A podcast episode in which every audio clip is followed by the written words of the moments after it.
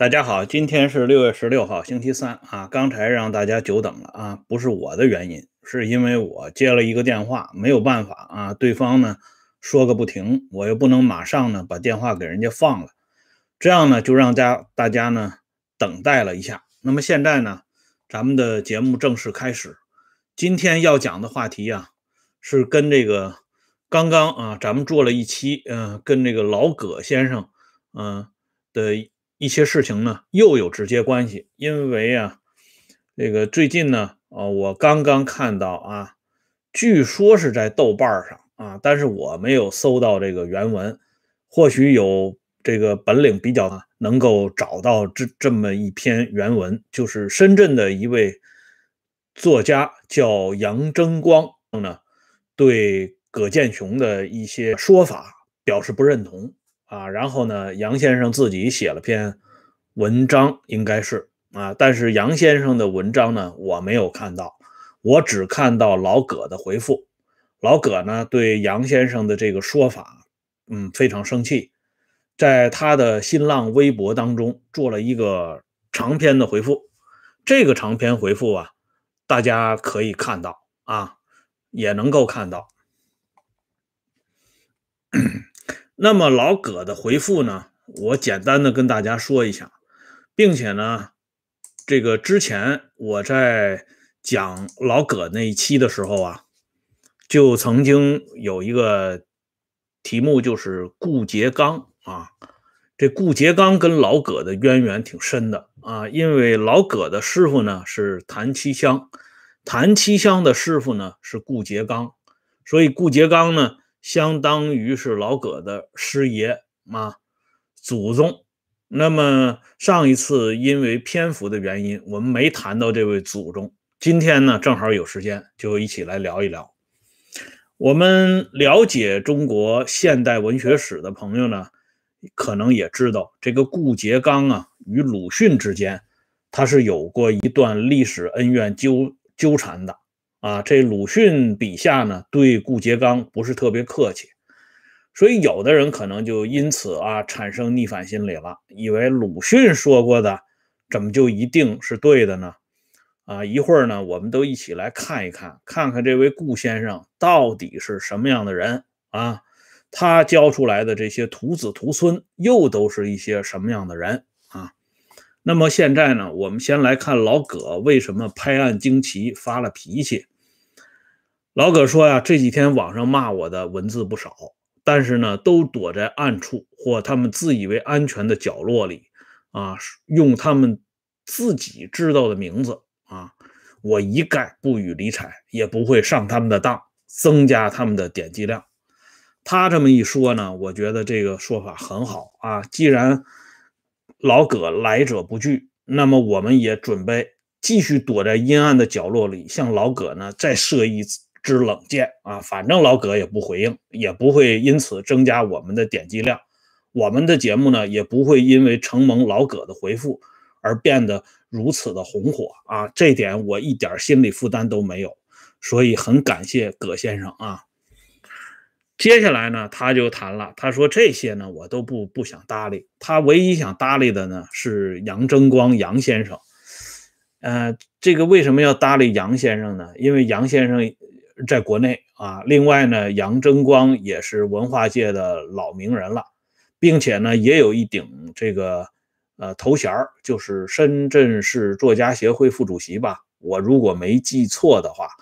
而且这个杨先生啊，啊，他早年啊还是很有些名气的，至少在我的青年时代，我上大学的时候，杨先生的作品我多数都看过。啊，比如说他写的那个小说啊，啊，老旦是一棵树，还有那个砸嘴子，这个小这两部小说我印象特别深。还有一部电影我印象更深，就是《双旗镇刀客》。这部电影呢是由孙海英主演的，孙海英在那里边呢，啊，演一个土匪，啊，最后让人给砍死了。这个电影写呃，就是整个呢写的特别滑稽啊，所以对杨争光先生呢，我很有印象。后来呢，由于我自己啊，经常喜欢看一点关于胡风这件事情的一些这个回忆材料。呃，去年呢，大家也知道啊，我跟这个有人一起在网上做了几期关于胡风这件事情的节目。那么杨争光先生关于胡风这件事情，他有一个自己的观点。这个观点啊，说实话啊，我觉得说的很好啊。他认为呢，胡风是一个讽刺啊，就是胡风呃这个人呢，他的被抓啊被关。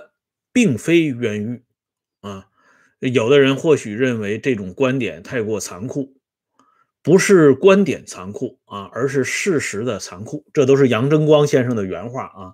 胡风知道自由思想的价值，却并不知道自我的自由思想在政党政治中的边界。胡风知道独立精神的意义，却并不知道身在。政党政治之中就已经失去了本质意义的独立啊！胡风知道政党政治的激情，却并不深知政党政治的冰冷。最后呢，他得出一个结论，就是启蒙者也需要启蒙。那这个话，我觉得啊，说的很有意思。呃，杨先生话音没落啊，这个老葛呢，就给我们来启蒙了。啊，老葛的启蒙很有意义啊。他说：“学术无禁区，宣传有纪律，国有国法，家有家规。啊，不管你是谁，啊，只要在咱们这块土地上，就得按照咱们这块土地的规矩来办事儿。否则的话，啊，那就别怪啊，家法森严了。所以这个老葛呢，他自己说了一下，他说。”我要表达的意思，主要是讲中国古代的历史，尤其是正史、官史，都是为了维护当代当朝的政治合法性。当代的历史自然是为了肯定执政党的政治合法性。哎，所以呢，近代史就是政治，反对历史虚无主义也是政治，而不是所谓的学术。嗯。成果学术成果发表的时候，要将国家利益放在首位，啊，如不利呢，可在内部说，或者直接报告当局。宣传有纪律，学术无禁区。于是呢，老葛就反问一句：“他说我这话哪儿说错了呢？哪一点不是事实？哪一点是我个人的观点？哪一点是我的发明？哪里是向当局献媚？”这个话问的很好啊，很有水平。这就是老葛不愧为之老葛的这个原因，哎，确实啊，他讲的是事实啊。历史和学术、历史和政治从来都是没法分清楚的，哎，而且呢，老葛看来也没想分清楚。他的这句话呢，潜台词就更加明确了，那意思就是说，我说的这些东西。是我个人的观点吗？是我个人的发明创造吗？装什么外宾呢？我们不都在中国吗？不了解这个实际情况吗？而且最关键的这句话，他说啊，他说，嗯，我哪里是在向当局献媚呀？确实，老葛没有向当局献媚，这一点呢，一定要给葛先生澄清。因为葛先生呢，在讲这些话的时候呢，他自己就把自己当成了当局，哎，他至少是把自己当成当局的一份子，怎么样？就是这个观点，哎，难道不是事实吗？哎，接下来呢，这个老葛呢，啊，又往下说了，嗯，我讲这些话，意图呢，就是告诫青年人，天真的读书人。不要以为近代史是学术，可以自由讨论，要守纪律，课堂也要守纪律，只有这样才能获得学术的无禁区。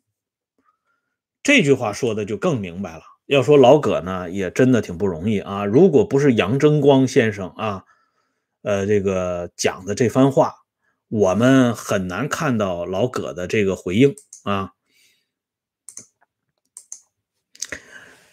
他说的这番话啊，就是老葛的这个这话呢，讲的很清楚啊。他说：“你只有守纪律，守什么样的纪律呢？啊，不言而喻。守了纪律之后呢，就有饭吃，啊，才能够进行学术研究。这也是实话呀，也是一段实话。那么这些实话的接下来的这段呢？”就讲的更清楚了啊！他说呀，我只不过是将这层啊纸捅破了，怎么就变成了善变呢？我变了吗？这些话我并非第一次说，至少已经说了五六年了啊！在网上传的另一篇就是当初在岳麓书院讲的，我在高校图书馆论坛讲过几十次了。基本内容和观点没有变，我一直就是这么主张的。最后呢，啊，老葛还发出一句振聋发聩的呃提问啊，这话说的就是说什么呢？如果想搞政治，就堂堂正正的搞，不要打着学术的旗号，更不要混在学术界累及他人。哎，这句话呢说的就更清楚了，想要。对着我开火的，就先要考虑考虑我的观点代表了谁的观点。哎，如果想亮出自己的这个啊旗号，那尽可以去亮，看看是你厉害还是当局厉害。哎，老葛的潜台词呢，根本就在这里。所以老葛的真正的啊这个话外音是什么呢？我不是我个人，我代表着千千万万的。党和人民、干部群众，就是这个这个意思啊，说的非常简单，效果很好啊，没有断断续续的啊。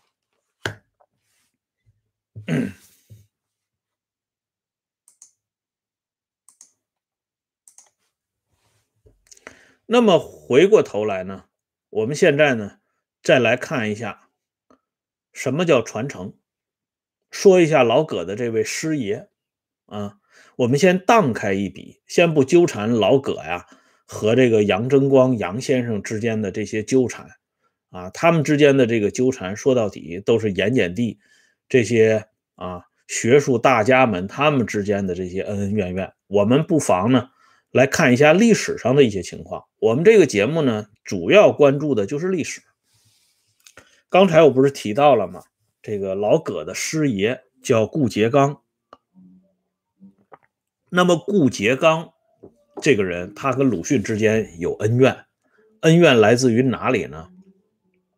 主要一条就是顾颉刚呢说鲁迅是抄袭，啊，说鲁迅的中国小说史略是抄袭日本人的。这件事情后来啊，作为一桩公案，倒是由日本人来替鲁迅解围了。啊，日本人增田先生呢？专门做了一篇重要的论文，从方方面面替鲁迅辩污，而且这位增田先生的文章呢，一经发表之后，学术界立刻就平静了。多年以来扣在鲁迅啊脑袋上的这个屎盆子，终于被摘了下去，而顾颉刚本人的这副嘴脸呢，由此也浮出水面。这里呢，我们有必要讲一下。这位顾颉刚先生，此公呢很有意思啊，他是曾经向蒋介石啊专门献媚的一个学术界的大腕儿啊。当年那个献九鼎啊，大家都知道这个大禹啊啊做这个九鼎，这是《史记》里边的记载。然后呢，到了抗战时期啊。这个顾颉刚呢，居然通过当局当中的一位大官向蒋介石献媚，嗯，说这蒋介石对中华民族呢有再造之功，所以啊，啊要献九鼎给蒋介石。蒋介石就相当于大禹啊，七功不在雨下呀，啊，他治理国家呀，抵抗外敌呀，啊等等。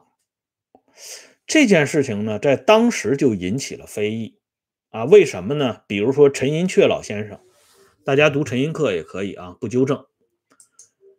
陈寅恪老先生呢，在同啊这个于大为啊、竺可桢这些大学问家在聊天的时候啊，就说起过这顾颉刚发起这献九鼎这件事情，要给献九鼎做一篇重要的文章，这件事情非常滑稽，因为按照竺可桢的记载呢，这个顾颉刚啊，他不相信大禹。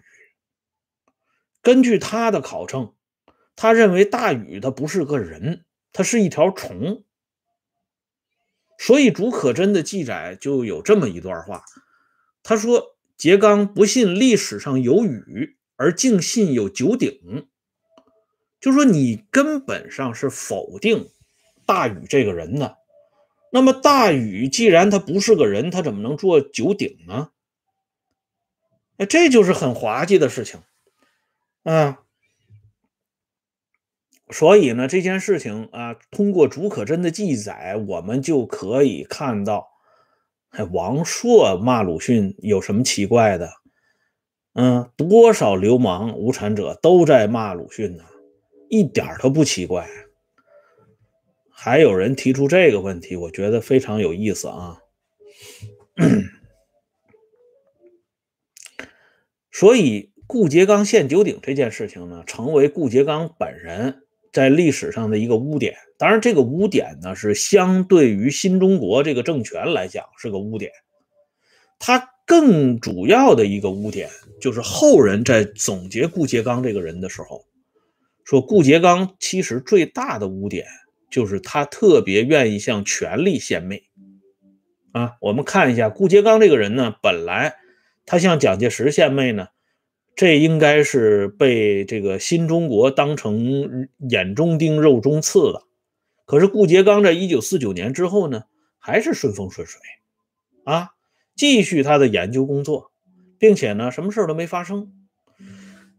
更有意思的是啊，大家看一下这本书，二零一一年第三期的《文史知识》，这是由中华书局出版的。这本书里边。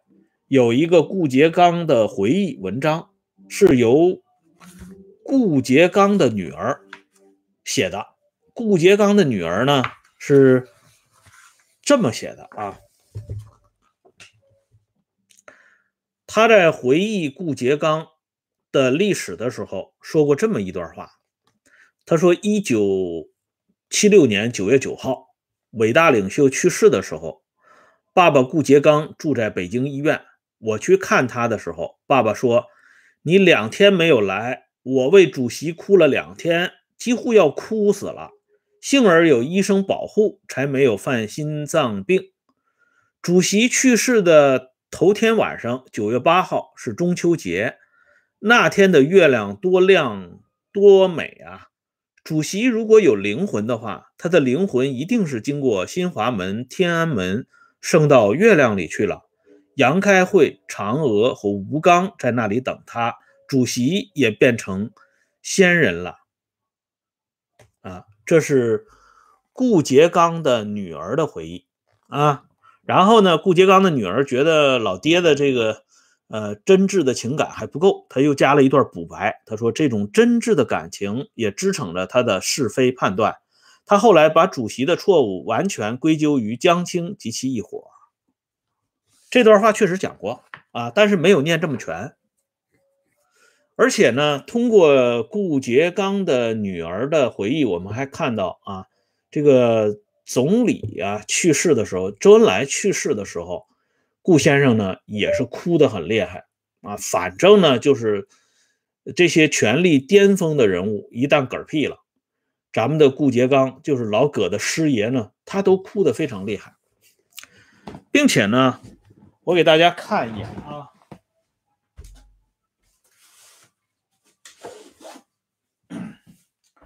我还收录了一整套的顾颉刚的日记啊。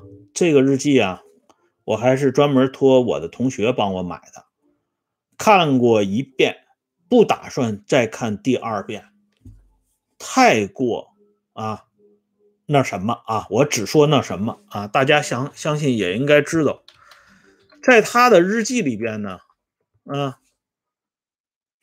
他几次提到他梦到过毛泽东，啊，梦到过伟大领袖呢，跟他之间进行这个亲切的交谈啊，主席呢对他进行哼哼教导啊，谆谆教导，咱们就开个玩笑啊，叫哼哼教导。所以顾颉刚到底是一个什么样的人？这个时候呢，大家就很清楚了。这样的人为什么在一九四九年之后，虽然有向蒋介石献媚的啊历史污点，却仍然能够顺风顺水？这里呢，蒋介石的功过是非不在我们的评论之列。大家经常看我节目的人，也应该知道我对蒋介石的真实看法。问题在于啊，一九四九年之后运动不断，政治上呢不断是采取那种特别严苛的标准。那么在这种情况下，这位顾先生却能够侥幸得脱，显然不是侥幸，更不是偶然。其关键点就是在于他对权力的揣摩和对执政者的膜拜。这样的人啊，无害于政治，反而是多多益善。啊，不仅是顾颉刚这样的人多多益善，顾颉刚的学生谭其骧，以及谭其骧的学生，谭其骧学生的学生，那都是要多多益善。有的人或许说啊，你这属于一竿子打翻一船人，我觉得不一定啊。我们可以用历史的眼光来继续往后看，用今天的话讲叫拭目以待。所以啊。我一直有一个观点，就是鲁迅当年骂过的人，基本上没有骂错。毛泽东虽然对鲁迅呢进行了政治色彩的涂抹，把鲁迅呢放到了一个非常吓人的地步，其实无非是借钟馗打鬼，借鲁迅之手削除他的政治啊层面的对立对立面。这个呢不必多讲啊，世人都应该懂。哎。那么毛泽东呢，在对鲁迅的评价里边有一段话，我觉得还是说到位了。那就是说，鲁迅呢没有丝毫的奴颜和媚骨。鲁迅这辈子所提倡的就是独立的精神。鲁迅自己呢，虽然啊也曾经掉到泥坑里啊，跟这个左联的这些人混到一起，这个是不容辩驳的历史。但是鲁迅是较早的意识到左联。以及左联背后的这些人到底是个什么东西啊？所以这个啊，杨争光先生对这个胡风那个评价里边有一段话，我认为还是说到了点子上，就是胡风自诩鲁迅的学生，却并不懂得鲁迅，这个话是有道理的，哎，所以回过头来看。这个没有奴颜和媚骨的鲁迅骂过的人，他们身上所啊沾染的一些东西，我们应该看得更清楚啊。所以顾颉刚是一个什么样的人，我们也就很清楚了。那么顾颉刚教出来的学生，以及学生的学生，以及这位学生的学生在今天的表演。我们看的也就更加充分了。本来呢，这个前一段时间大家对老葛的这些说法呢，啊，就比较多。再加上最近呢，老葛所在的这所学校又成为新闻的焦点。按照当初陈伯达的观点，啊，大学教授嘛，就要少说话，说的太多就有风险。啊，这是陈伯达的经验之谈。可是呢，这老葛不知道是不是知道这个，不知道陈伯达有这么一个啊关键性的这个结论啊，居然呢没忍住啊，继续呢啊赶在这个潮头上做弄潮儿滔头利状啊，那个显示出他这种一往无前的这种革命气魄和精神。那么也正因为他要显示这种革命气魄和精神。也就让我们把老葛呢看得更加清晰一点。这个鲁迅呢当年说过这样的话，他说这个原话大意啊，这个国家呢一旦出了状况之后呢，文人和美女要首当其冲，通常呢要负责任。哎，所以呢，鲁迅说这个最近呢有一些言论，已经明显是要把责任往这个清流啊，就是文人这个集体当中呢转嫁。我觉得鲁迅这段话呢，说的很有意思，很多人呢可能啊没理解太清楚，啊，就是说这些文人呢，不管你是在体制内的还是在体制外的，在当局看来呢，不过是一堆肉而已。当年呢，呃，有一位老前辈说的很好，他说文人在当局啊，就是说在这个盐碱地的当局看来。不过是两脚书橱，这话说的很有道理啊，就是人家要用你的时候啊，让你上去啊说两句，替人家呢啊，这个在前台呢解释解释啊，人家不用你的时候，随时都可以把你抛出去，不管你是在为当局呐喊，还是在挑当局的毛病，所以这又回到我们啊一。曾经说过的鲁迅的一篇文章《隔膜》，隔膜呀，文人其实并不懂当局。别看啊，自己呢，这个有这样的头衔啊，这个加尚书衔啊，赏戴这个花翎啊，甚至呢，呃，可以用红珊瑚做顶戴，这都没问题。但是你说到底，你不是跟人家一伙的。你既不是中式觉罗，你也不是上三旗，赏给你穿一件黄马褂，真把自己当成辫子兵了吗？不是的。哎，当然了，这些话呢，咱们就当闲聊了啊。好了，今天的话题呢，我们就说到这里。感谢朋友们上来支持和收看，欢迎大家关注温相说时政会员频道。明天找机会，我们接着聊。再见。